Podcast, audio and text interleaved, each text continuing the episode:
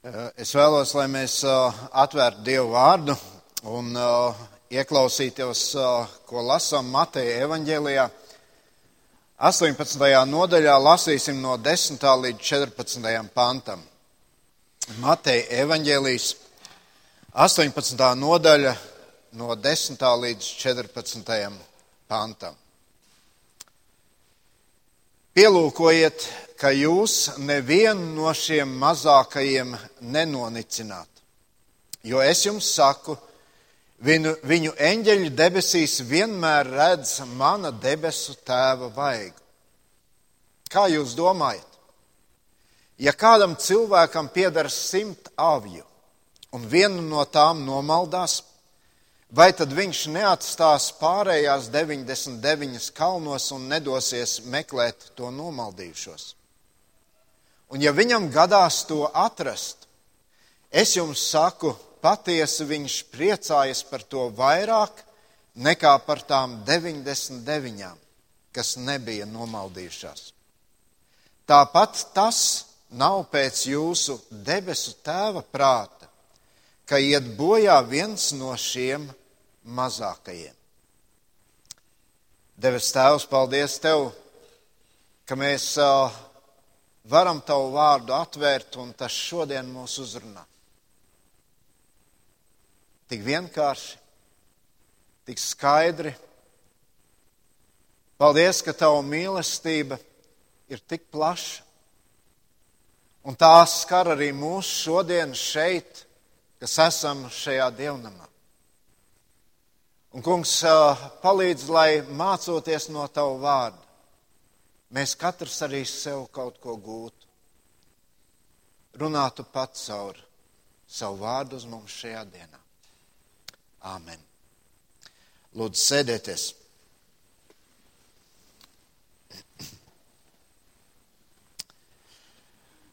Tā ļoti zīmīgi, ka šodien, kad runājam par šo tēmu, kuru saucas Nenoniciniet mazos, mūsu priekšā bija bērni.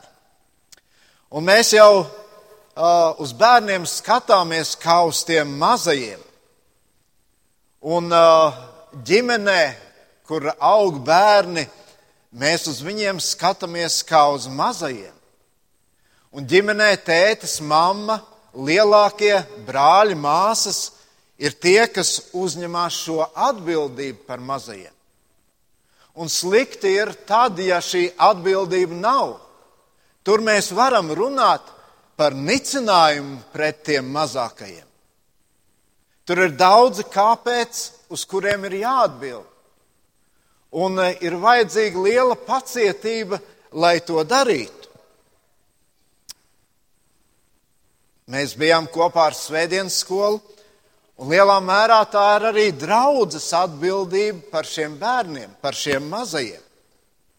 Rūpēties par viņiem. Bet Jēzus šo jautājumu šajā vietā, ko mēs lasījām, viņš pavērš daudz, daudz plašāk. Un ja jūs uzmanīgi klausījāties ievadu lasījumā, ko lasījām no Jāņa pirmās vēstules trešās nodaļas, tad tur mēs lasījām arī šādus vārdus. Mēs esam Dieva bērni. Mēs esam Dieva bērni. Un tāpēc, pārdomājot šo tēmu, es šai tēmai liku tādu otru virsrakstu, kurš varētu skanēt tā: Kad es ar kādu padalījos, tad viņš man teica, tu esi nošpikojis to no Arturas kaimiņa. Bet tas tā nebija domāts. Vienkārši man liekas, tas tik ļoti labi iet kopā ar šo tēmu. Un tā tēma ir neesi vienaldzīgs, uzņemies atbildību. Ja mēs uh, paturam atvērtu šo nodaļu, Mateja evaņģēlija 18. nodaļu, tad jūs varat pasakot līdzi tam, ka šī nodaļa iesākas ar jautājumu, ko mācekļi uzdod Jēzum. Un tas jautājums skan, kurš ir lielākais debesu valstībā? Ak, vai mācekļus nodarbina šis jautājums. Kurš no mums Jēzu būs galvenais? Kurš būs tava labā roka? Kurš būs tas, kuram tu vairāk uzticēsies par visiem? Un tad Jēzus viņiem paskaidro kaut ko ļoti svarīgu, ka debesu valstībā lielums tiks mērīts pavisam savādāk nekā mācekļi tajā brīdī iedomājās. Un tur trešajā pantā Jēzus saka, es jums saku patiesi, ja jūs nemaināties un netopat kā bērniņi, jūs neieiesiet debesu valstībā. Un tālāk Jēzus norāda uz mūsu atbildību citu cilvēku priekšā. Uh, viņš saka, domājiet par to, lai jūs ar savu rīcību kādu neiegrūžat vēl dziļāk bedrē. Lai kāds neapgrēcinājas pie jums.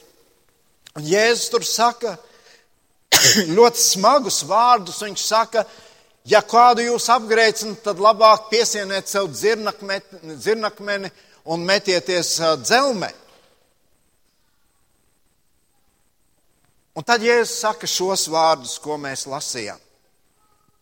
Un te Jēzus runā par to, kādai ir jābūt attieksmei pret tiem, kas ir nomaldījušies.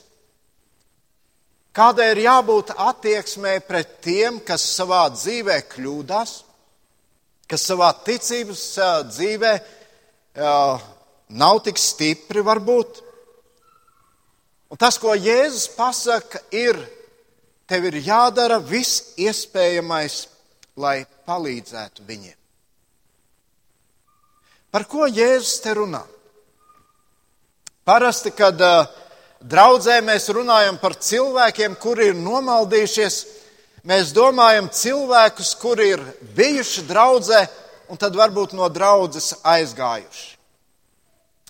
Bet Jēzus šeit runā par cilvēkiem, kuri vēl joprojām ir turpat. Viņi ir šajā ganāmajā pulkā. Viņi ir starp šīm avīm. Bet tad tur ir brīdis, un tur ir gans, kurš dodas un meklē to, kas ir nomaldījies. Viņš to paceļ, viņš droši vien nes uz savām rokām vai liek uz saviem pleciem. Viņš palīdz, viņš rūpējas par viņu.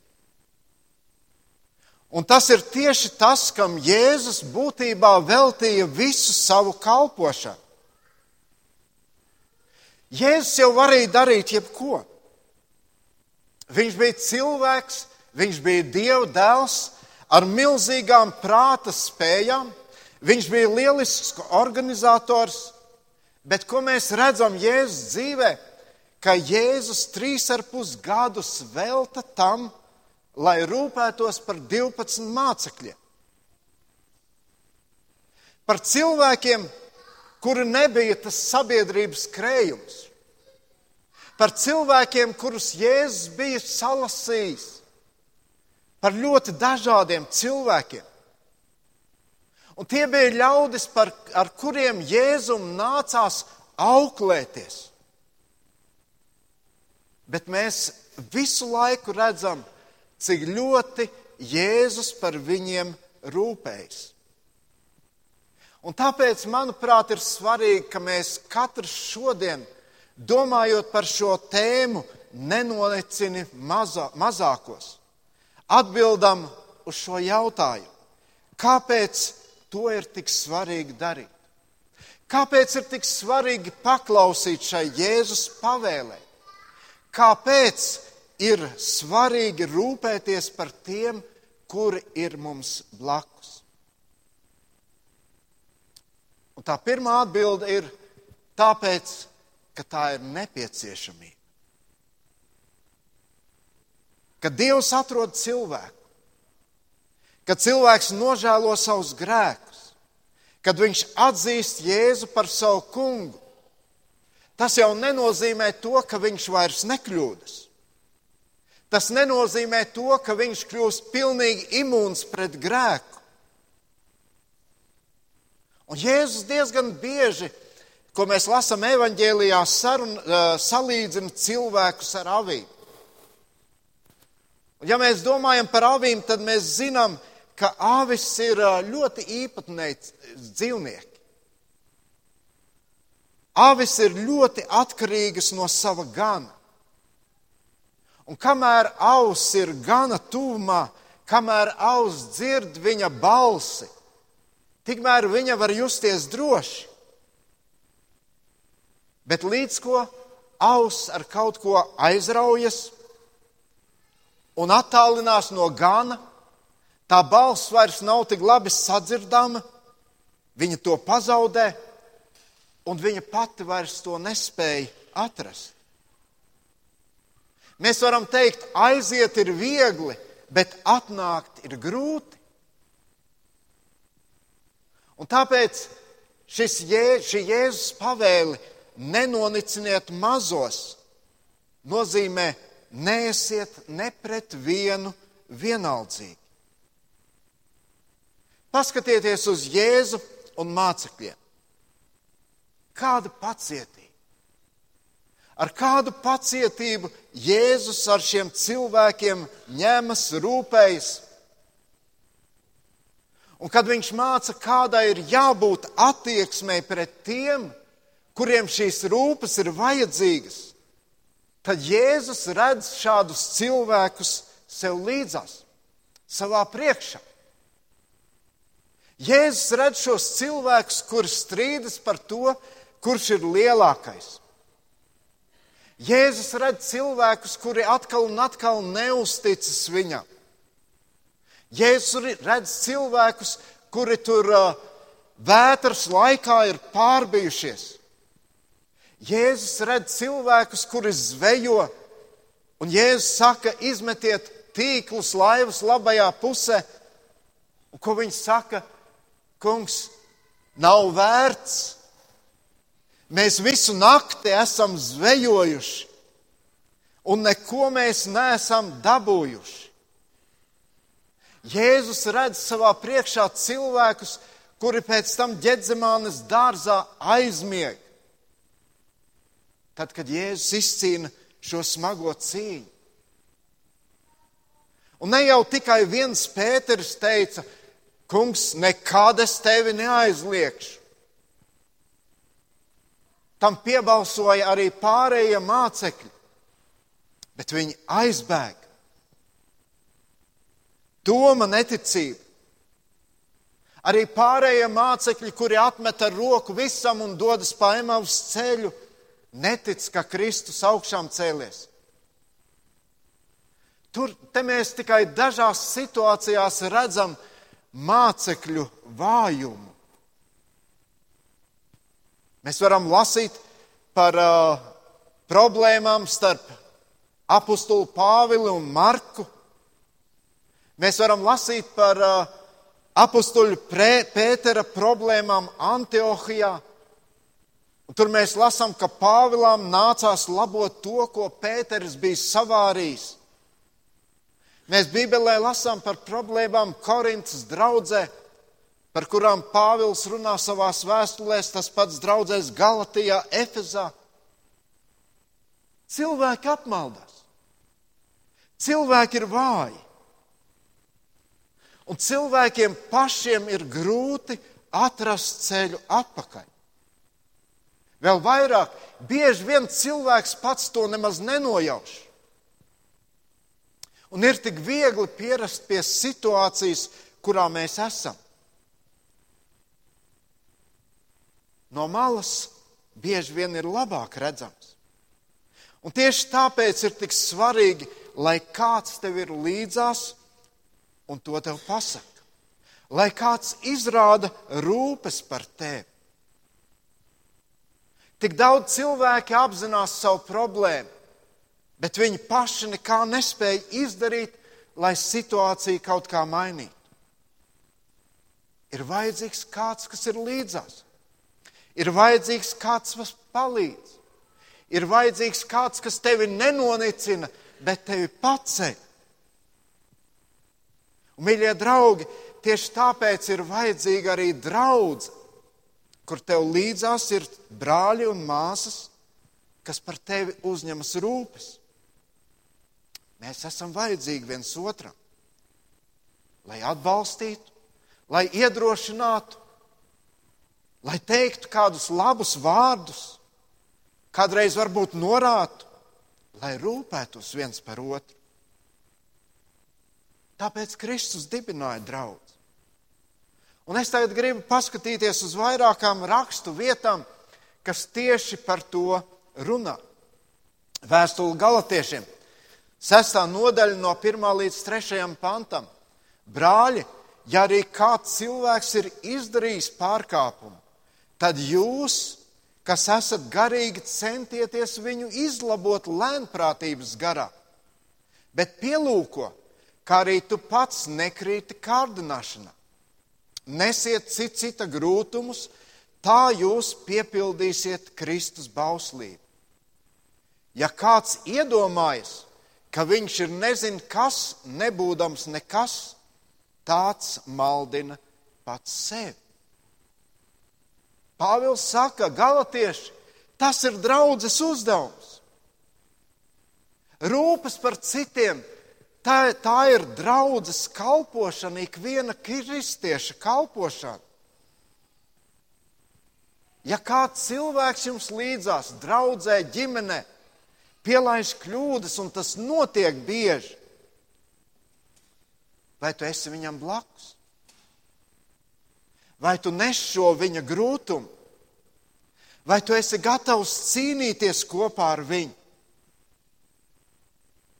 Ak, tik bieži mums netīk to darīt. Bieži tas ir grūti, bieži mums netīk iejaukties. Mums liekas, nu, ko es tur mani ne tā varbūt sapratīs. Un draudzē dzīvo pārkāpjot šo Kristus pavēlu. Nenonicini mazos. Kolosiešiem 3.16 lai Kristus vārdi bagātīgi mājo jūsos. Kāpēc? Vai tāpēc, lai mēs nu sacenstos un parādītu, kurš labāk pārzina Bībeli? Nē. Pamāciet un pamudziniet citu, citu gudrību. 1. Thessaloniķiešiem 5.11. Tādēļ iedrošiniet viens otru un stipriniet citu citu. Tā ir jābūt mūsu kalpošanai. Vai tu ar to kādam kalpo? Tik bieži mēs ignorējam viens otru. Bieži varbūt pagrūžam dziļāk dubļos. Jēzus saka par sevi, ka cilvēka dēls ir nācis meklēt un glābt pazudušo. Vēl kādas rakstu vietas. Ebrejiem 10. nodaļa, 25. pants. Nepametīsim savas kopīgās sapulces, kā tas pie dažiem parasts, bet pamudināsim citu citu, vēl jo vairāk redzot, tuvojamies to dienu. Turpat ebrejiem 3.13. Bet pamudiniet viens otru ikdienas, kamēr vien var teikt šodien, lai nevienam no jums sirds netiktu grēka viltības apcietināt. Un mēs varētu turpināt vēl un vēl. Bībele to uzsver atkal un atkal. Mēs esam vajadzīgi viens otram. Mēs esam atbildīgi viens par otru. Un tas nav teikts tikai mācītājam vai diakonam. Nē, Bībele to saka pilnīgi visiem. Un ja tu sastopies ar savu tuvākā vāju, tad padomā, kā tu vari palīdzēt. Apostolim Pēterim Antiohijā bija vajadzīgs apostols Pāvils. Pēteri. Par kuru Kristus saka, tu esi klints, uz tevi es celšu draudzi. Kristīgās draudzes līderis, galvenais Jeruzalemē. Kādam, viņam, kādam vajadzēja viņam pateikt, brāli, tu maldies. Dāvidam bija vajadzīgs pravietis Natanēls, kurš pazemībā un tomēr drosmīgi nāca un sacīja Dāvidam, tu esi tas cilvēks, tu esi tas vīrs. Mēs esam vajadzīgi viens otram, lai kalpotu arī šādos brīžos. Pāvilam bija vajadzīgs Barnaba, Apolam vajadzēja Priskilu un Akilu, un mēs varētu turpināt un turpināt. Bībelē ir tūkstošiem tādu piemēru. Un tad, kad mēs lasām jaunajā derībā par draudzes veidošanos, mēs redzam, ka rūpes vienam par otru tiek liktas par draudzes prioritāti. Bet, kā jau sacīju, tas nav viegli. Un daudz vieglāk ir iemācīties dziedāt, daudz vieglāk ir iemācīties pat sludināt, daudz vieglāk ir iesaistīties kādās redzamās draudzes aktivitātēs, nekā patiešām rūpēties par cilvēkiem. Jo pārsvarā šīs tavas rūpes par otru cilvēku neviens neredzēs. Pārsvarā publiski par to neviens tev paldies neteiks. Un es jau pieminēju, priekš Jēzus tā bija ļoti svarīga kalpošana. Jēzus ir pie caķeja, un tur viņš saka šos vārdus. Cilvēka dēls ir nācis meklēt un glābt pazudušo. Tāpēc Jēzus nāca. Un tāpēc viņš veltīja tam visu savu dzīvi. Viņš atstāja šo piemēru. Un Mateja 20, 28 mēs lasām, jo tāpat kā cilvēka dēls nav nācis, lai viņam kalpotu, bet lai viņš pats kalpotu un dotu savu dzīvību kā izpirkšanas maksu par daudziem. Un par to tas ir teikts par vispilnīgāko cilvēku. Un viņš tieši to uzskata par savu galveno mērķi. Un tad jau noteikti tam ir jābūt arī mūsu svarīgākajam mērķim. Ziniet, mēs varam izlietot laiku, lai pierādītu to, kuram tad ir taisnība, bet aizmirst, ka mums ir jārūpējas par otru. Mēs varam pēc tam secināt, ah, viņš jau te neiederas, lai pats tiek galā ar savām problēmām, un tad, lai nāk, tad mēs skatīsimies. Nē, ja tu esi kristietis, tad tev nav tiesības atteikties no atbildības, rūpēties par cilvēku, kurš ir tev līdzās. Apostols Pēters to saprata, un tāpēc viņš saka, 1. Pētera 4, 9 līdz 10. Esiet bez kurnēšanas viesmīlīgi cits pret citu. Kalpojiet cit citam ar to dāvanu, ko esat saņēmuši kā labi daudzveidīgās dieva žēlastības pārvaldnieki. Brāļi, māsas, mēs visi esam dieva žēlastības pārvaldnieki. Un tāpēc rūpējieties viens par otru. Apostols Pāvils vēstulē Efeziešiem 4. nodaļā, 15. sākot ar 15. pantu, saka, ka apliecinādam patiesību mīlestībā, mēs pieaugsim Kristū, kas ir galva visam. No viņa visa miesa saistīta un savienota visādām saitēm, katra daļa darbodamās un celta viņa mīlestībā, iegūst spēju augt. Vēstulē Filipiešiem otrā nodaļā neko nedariet sāncensības vai tukšas slavas dēļ bet pazemībā vērtējiet citu citu augstāk par sevi, rūpēdamies katrs ne tikai par savu labumu, bet arī par cita labumu, lai jūsos ir tādas pašas domas kā Kristu Jēzu. Un Pāvils to saka mums visiem. Nedomājiet tikai par sevi. Uzņemieties atbildību par citiem. Kāpēc? Tāpēc, ka Kristus tā darīja. Un mūsu mērķis ir skatīties uz citiem ar Kristus acīm.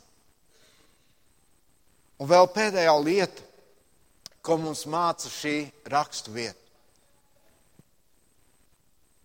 Ka rūpes par citiem nes sev līdzi milzīgu prieku.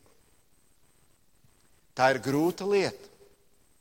Rūpēties par citiem nav viegli, bet neviena cita kalpošana nesagādā tādu prieku. Mēs lasījām 13. pantā, un ja viņam gadās to atrast, es jums saku, patiesi viņš priecājas par to vairāk nekā par tām 99, kas nebija nomaldījušās. Un es ticu, ja esat mēģinājuši to darīt, kad tu redzi cilvēku, kurā tu esi ieguldījis savu laiku, varbūt neskaitāmas stundas esi pavadījis kopā ar viņu. Un tad tu redzi, kā viņš mainās. Tur vēro viņu un redzi, kā viņš pieaug savā ticībā. Ka viņš pavisam savādāk sāk skatīties uz lietām, ka mainās viņa vērtību sistēma. Un tev pārņem milzīgs prieks. Jēzus Lūkas evanģēlijā stāstot līdzīgu stāstu, ko mēs lasījām Mateja evanģēlijā, viņš saka, kurš cilvēks no jums, kam ir simt avju, vienu pazaudējis, neatstāja tās 99 tūkstnesī un nedodas pakaļ pazudušajai, līdz to atrod. Un atradis avi, Viņš to ceļ uz saviem pleciem priecādamies. Un pārnācis mājās, sasauc draugus un kaimiņus un tiem saka, priecājieties līdz ar mani, jo es savu pazudušo āvi esmu atradis. Es jums saku, tāpat arī debesīs būs lielāks prieks par vienu atgriezušos grēcinieku nekā par 99 taisnajiem, kuriem atgriešanās nav vajadzīga pat debesis priecājas.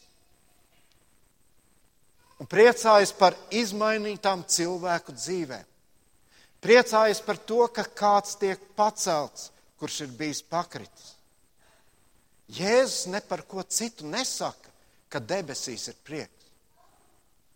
Tikai par to, ka kāds tiek atrasts, ka kāds tiek pacelts.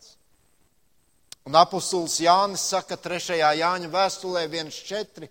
Man nav lielāka prieka, kā dzirdēt, ka mani bērni dzīvo patiesībā. Apustulis Jānis, cilvēks, kurš nodzīvoja garu dzīvi, piepildītu dzīvi, un daudz ko viņš piedzīvoja. Un viņš saka ar pārliecību, man nav lielāka prieka. Nav. Cilvēks, kurš bija kopā ar Jēzu, kurš dusēja pie viņa krūts. Varam teikt, mīļākais Jēzus māceklis. Cilvēks, kurš piedzīvoja notikumus apskaidrošanas kalnā, piedzīvoja Jēzus augšām celšanās prieku, piedzīvoja vasaras svētkus, kad draudz veidojās. Viņš saka, nav lielāka prieka kā redzēt patiesības izmainītas dzīves. Ja mēs lasām Jāņa vēstuli, viņš tur daudzkārt saka, bērni, bērniņi, mīļie bērni. Tie nebija viņa bioloģiskie bērni. Nē, tie bija cilvēki, par kuriem viņš rūpējās, kuriem viņš nespēja paiet garām. Nebija viegli. Daudziem nācās teikt grūtas un nepatīkamas lietas. Daudziem nācās teikt arī priecīgas lietas. Un tas ir labi, ja mēs to darām. Bet, mīļie draugi, šodienas aicinājums Jēzus pavēle ir: Nēsi vienaldzīgs pret cilvēkiem sev līdzās. Nenicini viņus. Neskaties uz viņiem ar nicinājumu, lai kāds arī viņš nebūtu.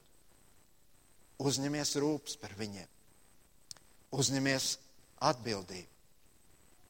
Tas nozīmē nenonicini. Un atcerieties, tā ir nepieciešamība. Jo cilvēkam pašam bieži vien ir grūti sevi ieraudzīt to, ko viņš pats nespēja mainīt.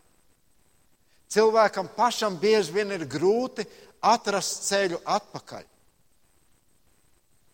Kristus rūpējās par citiem, un viņš to liek par draudzes prioritāti. Un atceries, ja tu tam paklausi, tad tas nes sev līdzi milzīgu prieku.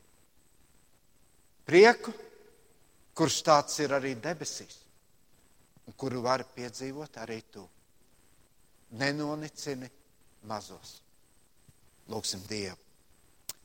Debes Tēvs, paldies Tev par šo atgādinājumu. Paldies par šo pavēlu.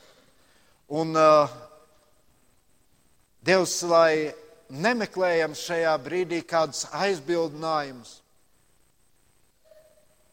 kas varbūt kaut kādā veidā attaisnot to, ka mēs nedaram, nepaklausam, bet palīdz mums paskatīties vienam uz otru.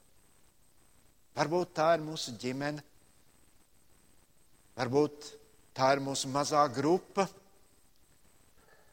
varbūt tā ir vēl kādā sabiedrība, kurā mēs esam. Tā ir draudzene un ieraudzīt sev līdzās cilvēku, par ko es varu uzņemties atbildību, par ko es varu rūpēties, ko es varu iedrošināt, kam es varu kādus vārdus pateikt. Un, kungs, ja kādreiz arī ir jāsaka kādi smagāki vārdi, tad dod drosmi to darīt. Debes Tēvs, paldies, ka šodien Tavs vārds mums to atgādina.